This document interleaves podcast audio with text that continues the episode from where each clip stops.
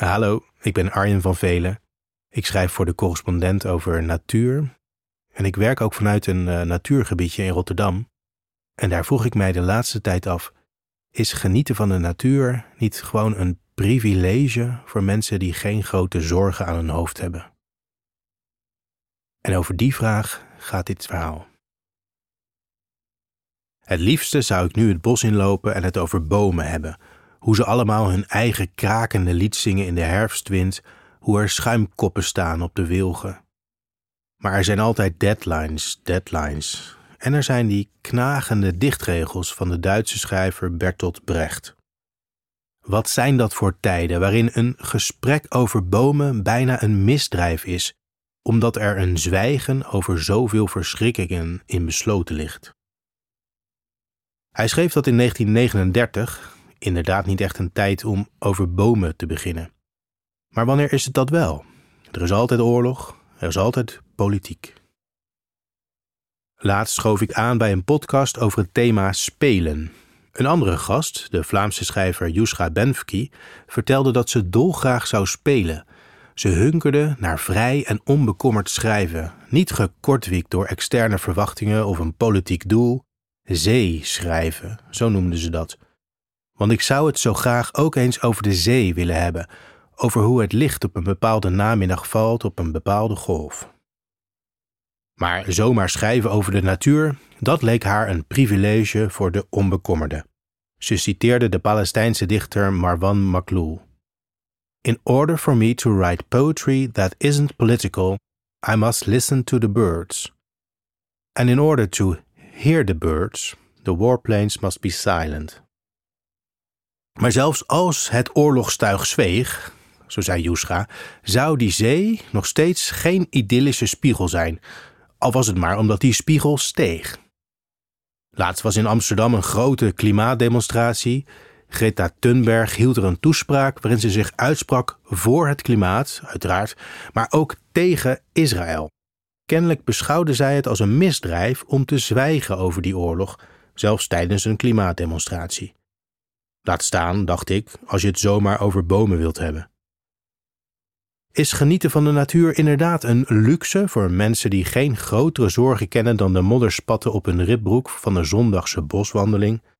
Ben je een escapist als je het bos inloopt, weg van de politiek? Misschien, maar escapisme, oftewel ontsnappen, is niet per se verkeerd. Het hangt er maar net af waaraan je wilt ontsnappen. En wat je in dat bos gaat doen natuurlijk. De Amerikaan Henry David Thoreau trok de bossen in en bouwde daar een houten huisje. Hij zou er ruim twee jaar wonen, een experiment om zich alleen met het wezenlijke bezig te houden, schreef hij later in Walden, een boek dat in 1854 verscheen. Die klassieker inspireerde later de Nederlandse schrijver Frederik van Ede om een commune in het bos te beginnen, Walden genaamd. En weer later inspireerde het boek de Amerikaanse Chris McCandless om zonder veel eten de wildernis van Alaska in te wandelen alwaar hij omkwam van de honger, zoals verfilmd in de film Into the Wild. Vanwege die film had ik nooit zin om dat boek van Thoreau te lezen. Walden leek me het werk van een bedweter die een sobere, superieure, maar voor normale mensen totaal onrealistische levensstijl predikte.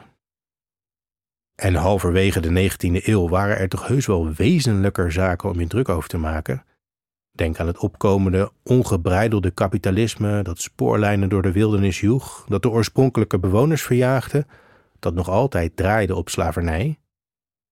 Zijn boek leek me het werk van een escapist, een verwende wegloper bovendien. Beetje bessen eten in het bos terwijl je weet dat je altijd terug kunt naar je eigen bedje.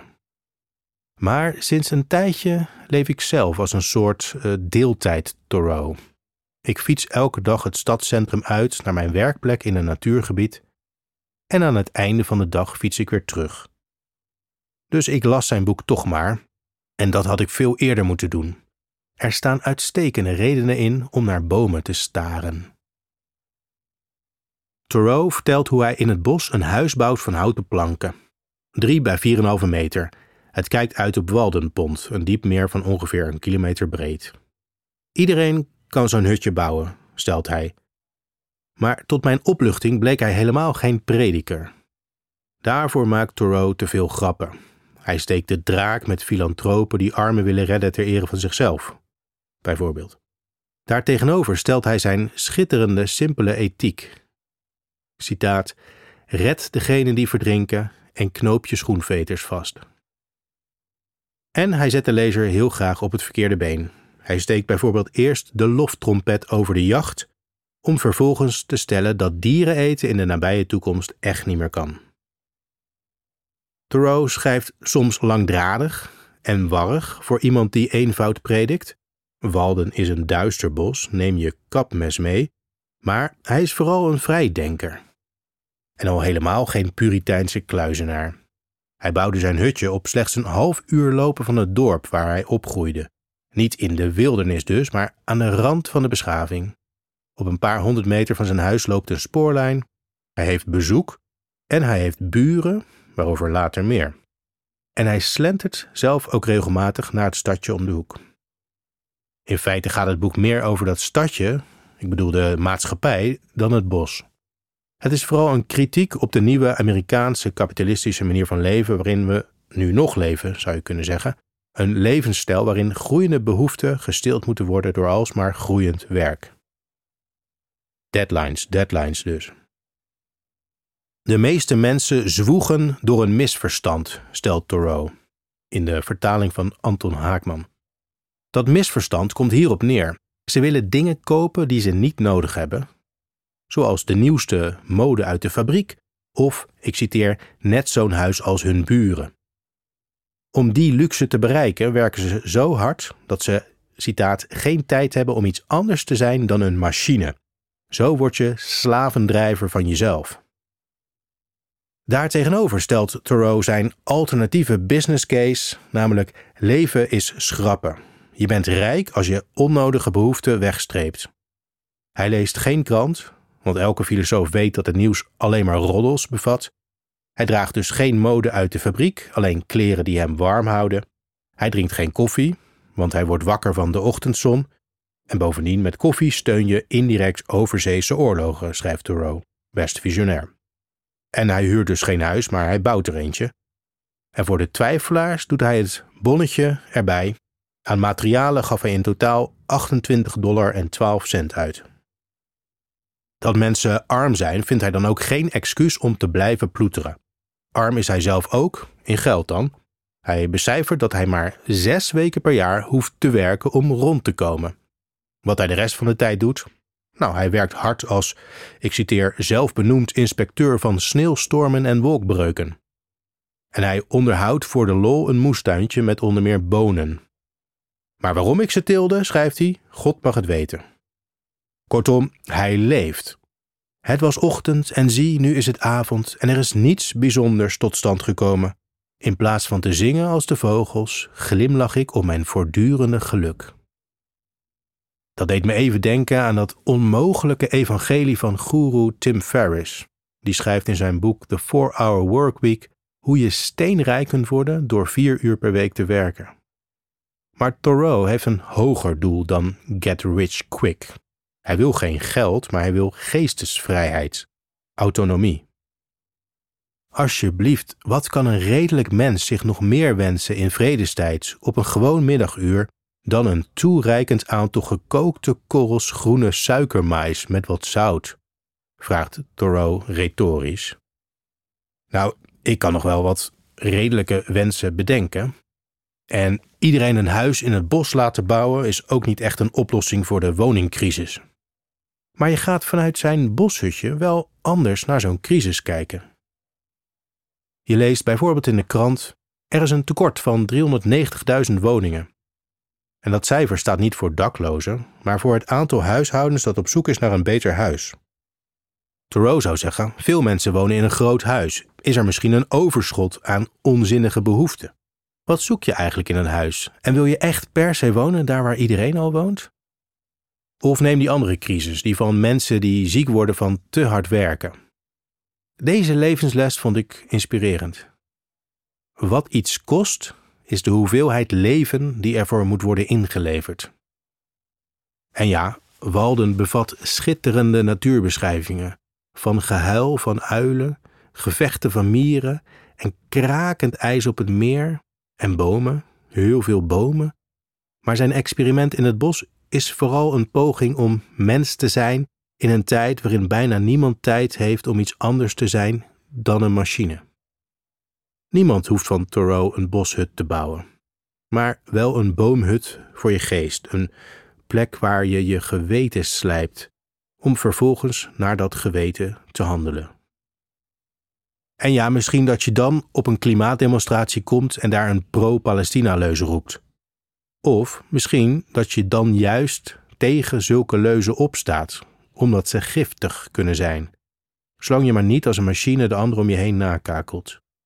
Jezelf worden, autonoom leven, genezen van de maatschappij, dat kan bij uitstek aan de rand van die beschaving.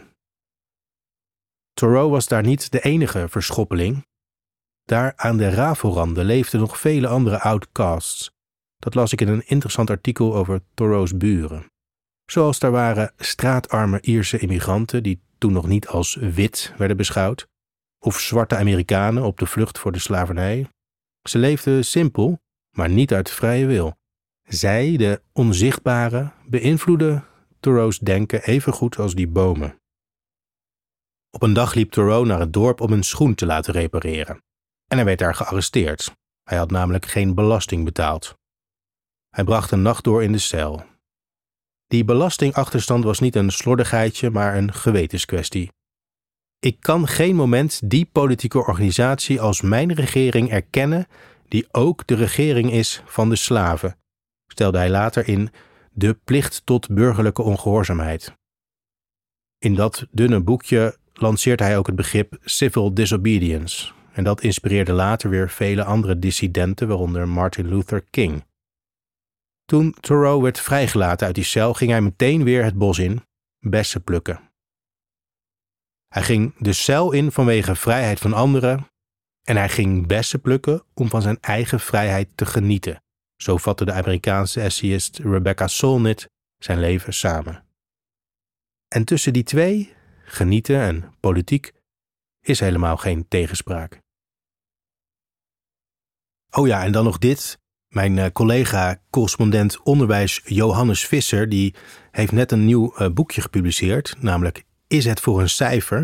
Ik heb het al gelezen. Het is een, vonkje, een kort dun boekje waarin hij uh, laat zien dat school een machine is geworden waar het gaat om cijfers in plaats van leren. En hij laat ook zien hoe je dat weer kunt omdraaien. Dus hoe een school weer een plek kan zijn waar je echt iets leert, in plaats van alleen maar presteert.